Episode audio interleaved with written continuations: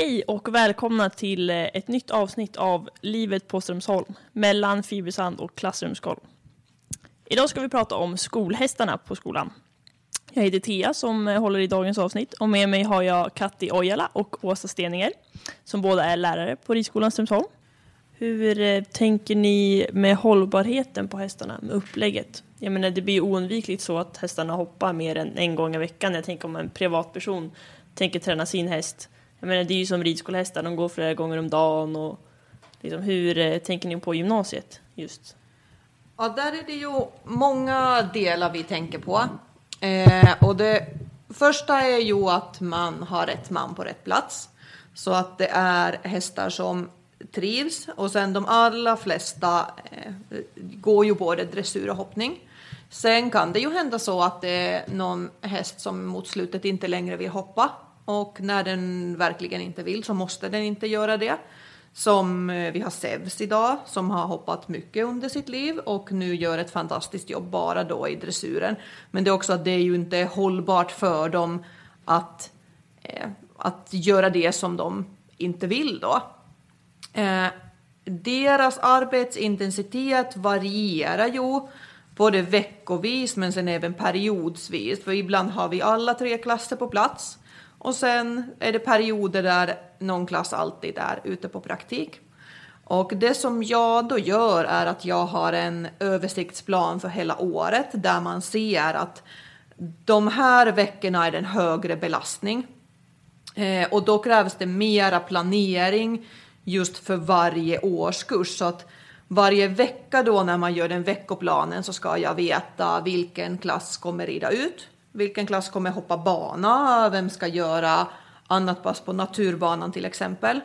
Och då gör jag inför varje vecka en individuell plan för varje häst. Mm, jag försöker växla eh, då gren så att de går växelvis hopp och dressyr. Vissa dagar gör de dubbla uppsittningar och då kan de till exempel gå dressyr på förmiddagen och sen så hoppar de på eftermiddagen eller så rids de ut med en annan klass. Och sen just så tittar man på individen. Är den fullt igång och fullt i kondition? Om den inte är det, då kanske den gör ett pass om dagen tills vidare.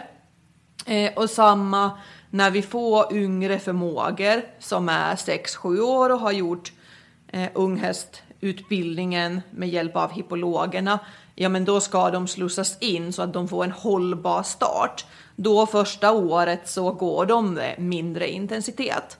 Så man varierar både typ av arbete och det är ju enkelt för oss för vi varierar jättemycket om vi rider inne eller ute.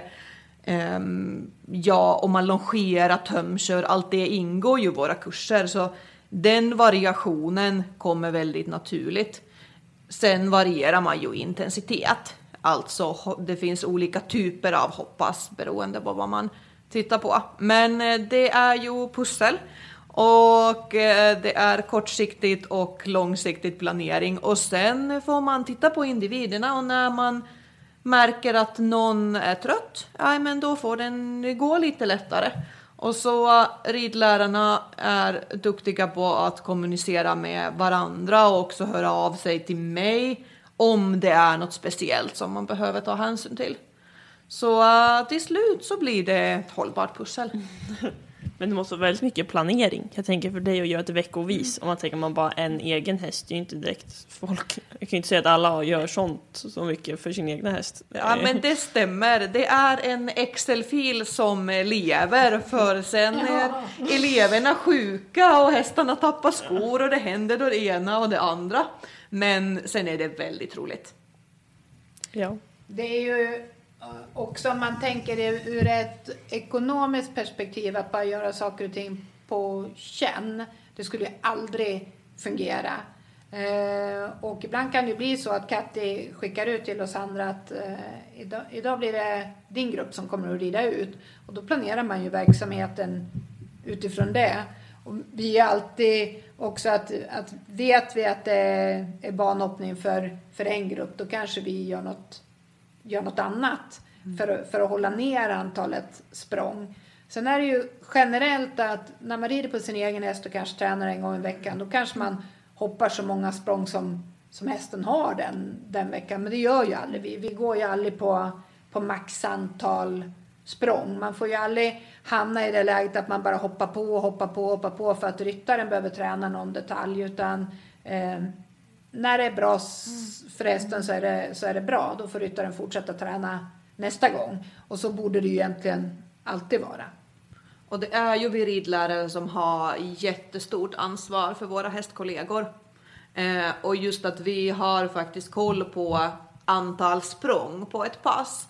Och det kanske man inte har som privatryttare. Vet jag hur många språng jag har hoppat på den här träningen. Men efter att eh, Åsa har avslutat sin hopplektion så vet hon hur många språng hästarna har tagit. Och det är en del i det hållbara upplägget. Hur många språng skulle ni säga att hästarna tar på en vecka eller borde ta? Liksom max. Eh, våra hästar tar fler språng tror jag än vad normalt en privatryttare gör. Men de är också långsiktigt tränade för det. Ehm, jag tror kanske att vi ligger någonstans runt 40 språng i veckan kanske. Och det gör många privatpersoner på en vanlig hoppträning. Så att på en vanlig lektion så tror inte jag, det är sällan man går över 20 språng skulle jag vilja säga om man nu pratar lite rejäla hinder. Eller rejäla och rejäla men eh, då har vi i allmänhet gjort bommar och bockar och sånt eh, innan. Ja, jag tänker att eh, eh, om man inte går på skolan så kanske man tänker att ja, det står hoppning, att man hoppar bana som på träning, men det är ju inte alltid att vi hoppar på hopplektionerna. Det kan ju vara att vi rider bockar eller bommar eller småhinder, för jag menar, typ som om man kommer ihåg när man gick ettan och tvåan på gymnasiet så hoppar man ju inte så högt. Det är ju liksom mycket öva och nöta liksom mm. på annat. Sen i trean så är det trean så hoppar man lite högre, men då är ju det bara en liksom begränsad tid för hästarna. Det är mycket grundridning också, att man skapar den balansen både hos ryttaren och balansen i ridningen som gör att ridningen på hästarna är hållbart.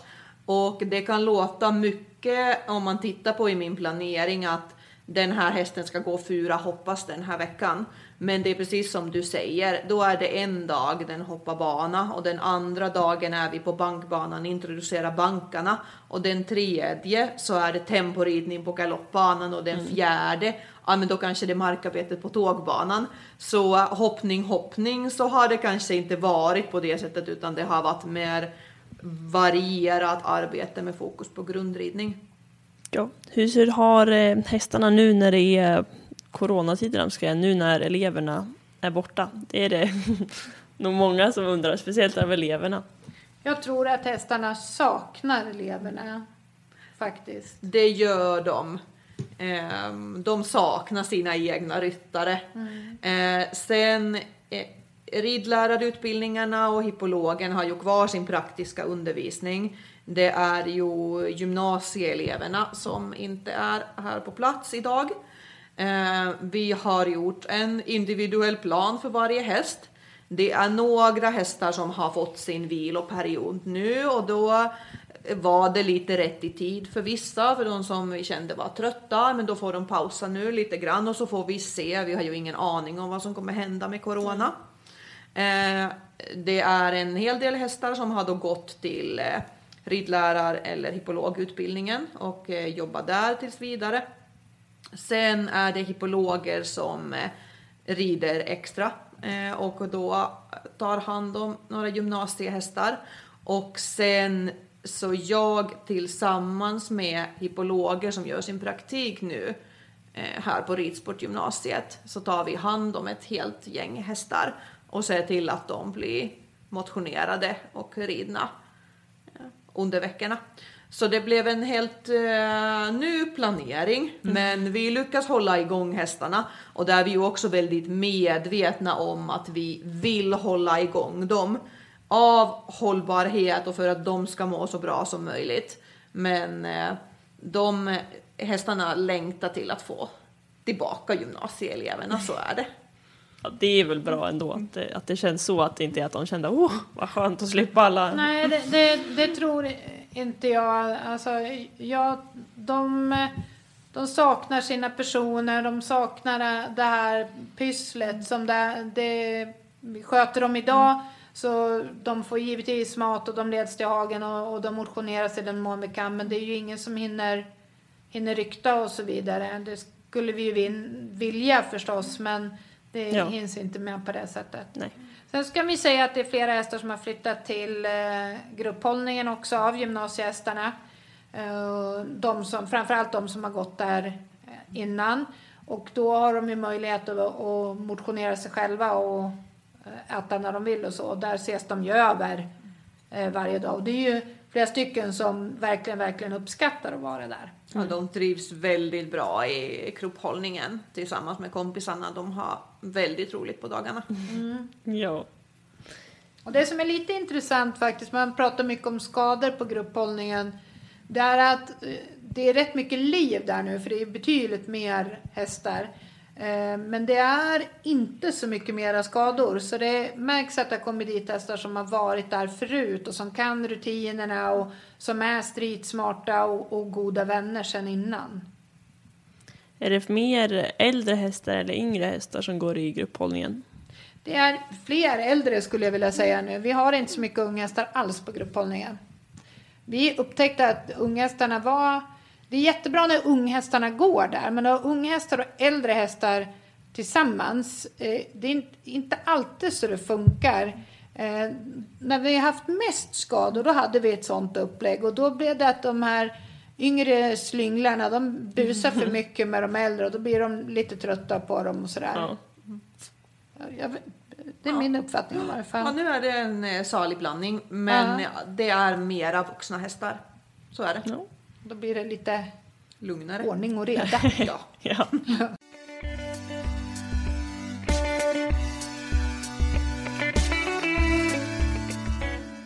Vilka av hästarna som ni kommer ihåg är det som har högst meriter eller som har liksom tävlat högst? Vi har ju haft, eh, vi måste ju nämna Early Trick som fortfarande bor hos, hos oss med den dressyrhäst som har tävlat Grand Prix med tre, tre olika ryttare. Eh, och som fortfarande, han är 21 år nu och är jätte, jätte, jättefräsch. Man måste sköta honom väldigt, väldigt, väldigt noga men vi kan ju honom och sköter honom som han vill bli skött. Han drog igång sin eh, tävlingskarriär här nu och gick några medelsvår A på 62 procent och lite högre också, 63. Men då blev, då blev han lite orolig och, och nervös och fick lite känningar av sitt gamla magsår. Så nu ska han inte tävla mera. Men han har ju väldigt höga dressyrmeriter. Och vi har ju haft eh, hopphästar som har, har startat högt också. Först och främst med ridlärarna men eh, det finns ju även eh, skolhästar som har gått på den och 30 och 40 med elever. Som har gått hippologen då Ja, och? SRL.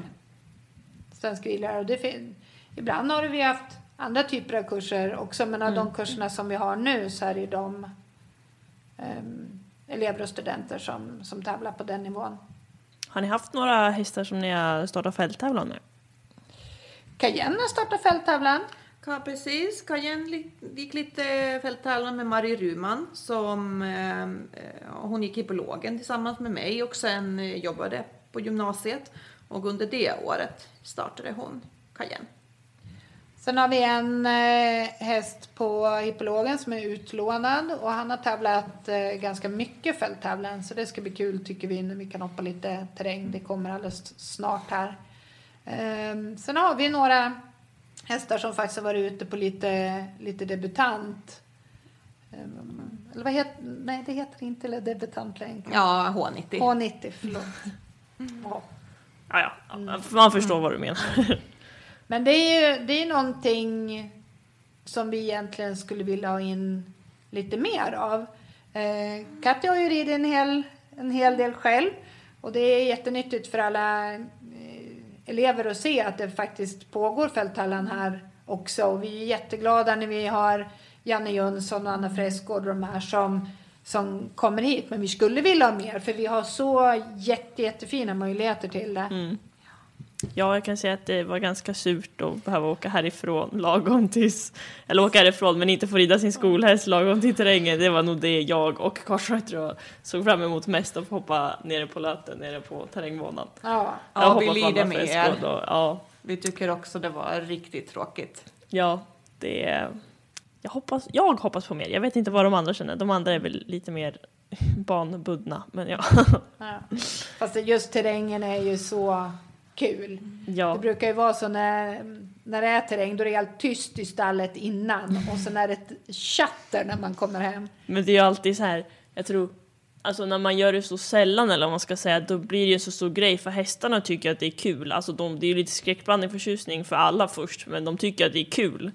Så då blir det ju lite extra laddat och så sitter man och väntar och så blir det lite snack så här, "Åh, den hästen, den blir jätteglad och den har de åkt av och så bara, och så fick man själv den hästen och så var man där och bara, ja och så, ja. Men det är ju inte liksom om en tränga, alltså hoppa stockar och sånt, det kan ju, det är ju kul för alla om det görs bra, men sen är det ju såklart att om man är rädd och liksom, det blir för svårt eller så, då kan det ju bli läskigt för både häst och ryttare. Men jag menar, här så gör man det ändå på en bra nivå. Håller man det på en bra nivå och gör liksom så att det blir bra språng och bra upplevelser, då är det ju liksom kul. Då tror jag man kan få ner lite det här största, inte stigman, men det är nästan lite, lite så. Men det behöver ju inte vara liksom, man hoppar ju inte badminton liksom. Nej, och där, där tycker jag vi har fått så himla fina möjligheter. För jag har jobbat här när i stort sett alla terränghinder var jättestora. Och nu så finns det terränghinder på alla, alla möjliga nivåer. Och de flesta terränghinder går, att- går att rida på olika sätt så att man kan använda dem på jättemycket olika sätt. Och då kan så många fler ta del av dem.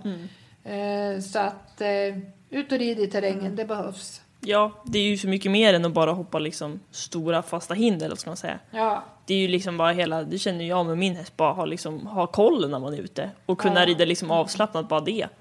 Och det är ju synd när man liksom, när man tar bort det, eller ska man säga, missar det för att man liksom får så här att, ja men du, om, typ om du ska starta fälttävlan om förut var det väl typ på en meter som första klasserna var, det är ju ändå liksom vi pratade om det när jag var iväg i Örebro att om man tittar på hindren, de är inte så höga, det är typ 70-80, men alltså när det blir en massiv låda då, då ser det mycket större ut. Och då får man både en själv och hästarna mer respekt för det.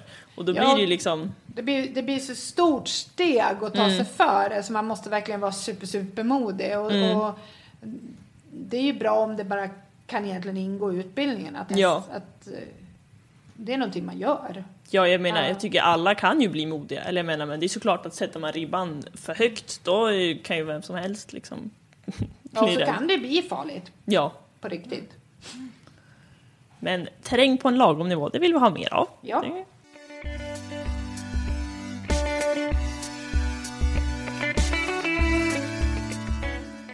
Vem eller vilka av hästarna är det som är äldst? Rebelia är äldst, född eh, 97 och Rebelia tog go- god tid på sig att bli inriden. Eh, Så det är väl därför hon fortfarande är still going strong. Hon var väldigt, väldigt, väldigt spänd och man fick ge henne lugnande för att ens kunna arbeta med henne i början. Tog lång tid innan hon eh, accepterade det och hon har fortfarande lite franska nerver. Det kan vi ju nämna också att hon är en av de hästarna som vi aldrig har övervägt att pensionera. Vi tror inte att hon skulle trivas med det. Flera av hästarna eh, flyttar ju till andra ägare när vi börjar tycka att, att nu börjar de bli lite äldre. Men det är hästar som, som är utåtriktade och som vi tror kommer att vara lugna om de, om de hamnar i hagar med, med en häst och att de kommer vara snälla och rida ut på och sådär. Men Rebelia tror vi nog, eh, hon kommer nog få hispan tror jag om hon flyttar till en privatägare. Så att hon får gå hos oss så länge hon är fräsch och sen så rundar vi av för hennes del. Och det tycker vi är schysst. Det ansvaret måste vi ta. Vi kan inte släppa ut hästar som vi tror är olämpliga för privatpersoner att, att rida ut på. Nu är inte det så att uh, Rebella är olämplig att rida på hos oss. Men jag tror att hon skulle bli väldigt nervös om hon skulle flytta härifrån. Ja. Nej, det är ju inte schysst mot någon, Nej, liksom rätt ur något perspektiv. Vilka är era personliga favoriter bland skolhästarna som finns nu och är det någon som ni har ja, förr i tiden som ni här har lite extra nära hjärtat eller vad man ska säga? Min eh, favorit all time high det är faktiskt blues. Jag tycker att eh, blues är... Eh, han är underbar helt enkelt. Det är en av de vänligaste hästar jag har träffat. Och eh, han har ju inte världens enklaste exteriör och helt lätt för sig alla gånger. Men han, han har eh, alltid bara på något vis sagt ja till allting. Och eh, jag ser bara godhet rätt, rätt igenom. Sen så hade jag en häst, nu är det, eftersom jag är gammal så är det ett par år sedan, men eh, som heter Kadett. Och det var en riktigt, riktigt rolig häst. Dels hade jag honom som utbildningshäst själv och fick se hela den här resan när han, när han först tävlade med andra årselev som det hette på den tiden. Och sen så, så, det var en glad skit kan man säga. Han busade jämt och han, han var pigg och glad och så skulle man, eh, skulle Jens ha honom som tävlingshäst för man tyckte att det var en duktig häst. Men då vissnade hela hästen och tyckte att nej det var ju inget kul, det var för, det var för allvarligt det där. Och sen eh, satte han tillbaka in på hippologerna och sen så gick han ja, till han var 20, 21 år på gymnasiet och han är en sån häst som väldigt många på den tiden kommer ihåg för att han var så otroligt pigg och glad och fick ryttarna att verkligen känna sig säkra och samtidigt som han kunde slå en brall och var, hade lite, lite bus för sig så att han var verkligen en riktigt, riktigt uppskattad häst. Jag tänker det är ju någonting som man inte, eller inte pratar om, men när man pratar om men vad för egenskaper det här med, så snackar man vad de har för meriter eller hur högt de kan hoppa, men jag menar det här med känslan, vilken känsla en häst ger. Det är ju också någonting som kan kanske vara nästan viktigare än liksom andra saker, men om du har och ska lära ryttare att rida, det är ju mycket känsla i ridning. Att ha, få ha en skolhäst som ger en den känslan av att man kan, det måste ju vara oslagbart, eller som liksom ridlärare ha en skolhäst som man vet liksom, och kunna så sätter upp en elev som du vet liksom, har haft svårt på den hästen och man bara ser hur liksom, Världens bästa jobbarkompisar. ja, Ja. det tycker, jag, det tycker jag är så härligt det här med just skolhästar. Jag tänker det som också är så lite speciellt med som vi har i Sverige med ridskolorna och allt och hur ridlärarna har det här och just här, att vi har så mycket Och de är ju våra närmaste kollegor. Eh, och det är därför alla är ju liksom favoriter på sitt sätt. Och sen så finns det de här speciella som man kommer ihåg. Eh, och blues är ju sånt som får en röst från mig också. Och det är ju en häst som många kommer ihåg. Kanske delvis för att han är helbror till den godkända hingsten hiphop. Eh, Men det är också en häst som jag har fått rida när jag gick andra året på hippologen. Så jag har lärt mig jättemycket om eh, hoppsporten från honom. Och sen att få ha honom som kollega eh, på gymnasiet under så lång tid. Så det är verkligen en sån där fantastisk skolhäst som har bidragit med att lära så många elever och studenter att rida. Och han ska väl gå i pension nu? ja, han har fått en alldeles egen människa. Han, han åkt? Nej, han har inte Nej. åkt än. Han kommer nog åka under nästa vecka. Hon har varit här och ridit honom ja, i stort sett eh, varje helg nu. Och det kommer att bli ett eh, fantastiskt äktenskap, jag är helt säker på. Ja. Det är väldigt, väldigt sällan som eh, vi har hästar här som, som vi inte gillar. Ehm, det kan ju vara så att hästen inte är lämplig precis för sin uppgift, men eftersom vi kan ger den en ny uppgift så, så fort hästen kommer till sin rätt så är det ju också lätt att den blir gillad. Mm. jag vet en häst som jag inte var så förtjust i och det var för att den, den kastade av och kastade av mycket och den kastade av på ett sånt sätt att det nästan alltid blev ambulans eller brutna handleder och så. Den var jag faktiskt inte så förtjust i.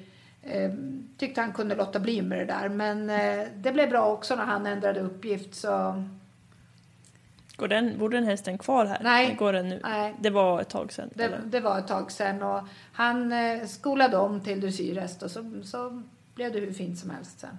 Då blev det inga fler handleder. Och inga fler ambulanser? Nej. Dressyr, det är mindre ambulanser där oavsett Ja, ja.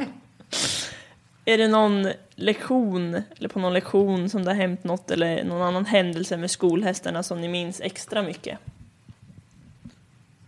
Ja, jag tror eh, vi minns jättemycket jätteroliga saker och det kanske får bli ett helt eget avsnitt. Men eh, en, en av de här eh, nyaste minnena, det var ju nu eh, i slutet på förra året när vi var på Stockholm Horse Show med ett gäng skolhästar Eh, från gymnasiet och bland annat eh, hade vi med Twister och Delivery och det är en väldigt speciell upplevelse att åka till eh, Friends Arena i Stockholm och lasta ur hästarna utanför arenan mitt i vägen. Sen leder de till uppstallningen, var där nästan en hel vecka.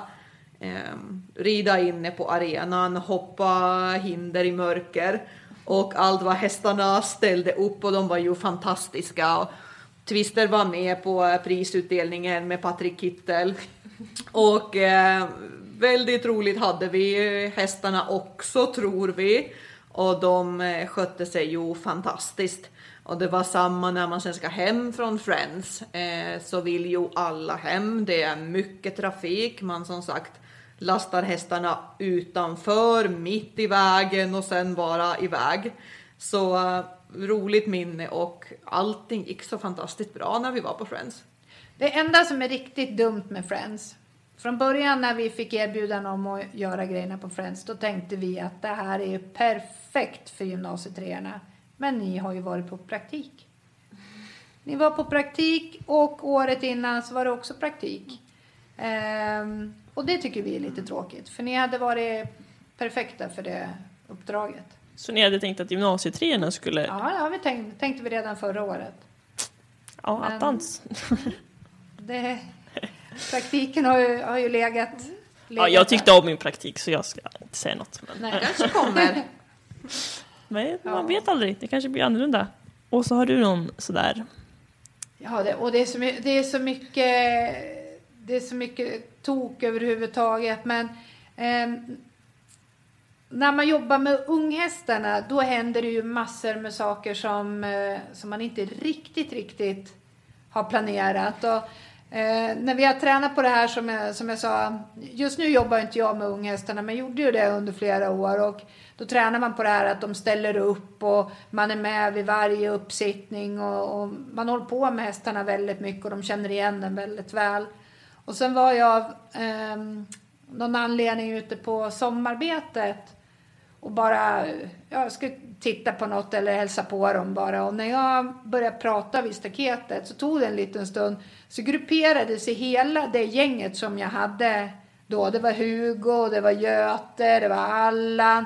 Då stod de, precis som jag hade uppställning för lektion, då stod de framför mig, sex hästar på en rad så här. Ting, ting, ting, ting, ting. Och då hade vi 60 hästar på bete. Och de, de liksom bara upptäckte att jaha, nu är hon här. Det är bäst att man ordnar in sig. Så de är så, de är så roliga. De har så mycket, de har så mycket för sig. Och de, de vet så himla väl vem som har lektion och, och så vidare. Vissa saker som Eh, vi har ju en liten lurifax som för det mesta sköter sig jätte, jättebra. Så skulle vi få låna honom till, från gymnasiet till hippolog för han skulle gå med på elevledd lektion. Och eh, det gick så där. Han kastade av en kvart in i lektionen ungefär. Och det här var en elevledd lektion och då är man inte så jättekaxig när man står i mitten. Och sen galopperade han i 25 minuter glatt så vi fick, eh, vi fick liksom bara vänta på att han hade galopperat färdigt. Eh, och det tycker man ju inte så kul när det händer men man kan ju skratta åt det efteråt när ingen har gjort illa sig och sådär att ja, här hade vi inte så mycket att säga till om. Är den hästen kvar på gymnasiet här? Ja, fast jag kan ju inte säga vem det är Nej. då kanske han får dåligt rykte. Okej, vi kan ta det efter. Ja. Ja, nej. Men eh, är det något mer som ni vill säga om skolhästarna eller? De är bäst. Ja, ja det håller jag Det är med om. fantastiska kollegor. Och lite det som du var inne på, man kan lära sig så otro- otroligt mycket av dem om man är ödmjuk nog. För de här hästarna, alltså de kan mycket mer om ridsporten än vad vi tillsammans. Så, och de har jättemycket att lära ut och det bästa är att de är villiga att göra det. Ja. Vi måste nästan nämna vår professor på eh, hippolog också. Och det är våran sonett. Eh, och jag brukar tänka det ibland att hon, hon ensam kan ju lära en elev mycket, mycket, mycket mer än vad jag kan. Rider de lite, eh, en lite slarvig sväng eller något så då, då är det nästan på något vis som att hon, men hörru du, nu får du väl skärpa dig. Och samtidigt så är hon så bra för hon, hon kan ju stanna någon gång ibland om man har för dålig galopp eller för dålig väg. Men hon tar aldrig ner halsen så hon behåller alltid ryttarna på sig. Det är nästan aldrig någon som, som ramlar av eller som blir rädd eller så utan hon, hon kan verkligen lära folk att rida. Ja, sådana skulle man ha mer av som håller upp halsen. Ja, det är fint. ja, det är fint. den är bussig. ja, men tack så mycket för att ni ville vara med. Det har varit jättekul och intressant att höra allt eh, och prata om våra skolhästar. Jag tror att eh, jag uppskattat det i alla fall. Jag hoppas att andra också kommer göra det. Eh, det här eh, är ju inte det sista avsnittet, men eh, tills vidare så är det här det avsnittet vi har i podden eftersom vi inte vet riktigt när vi kommer tillbaka och sånt. Eh, jag hoppas att alla tar hand om varandra och eh, sina hästar och hoppas att eh, ni tar hand om skolhästarna och att de har det bra och håller ut tills, tills allt det här är över. Eh, så får jag tacka så mycket och hoppas att vi eh, hörs nästa gång.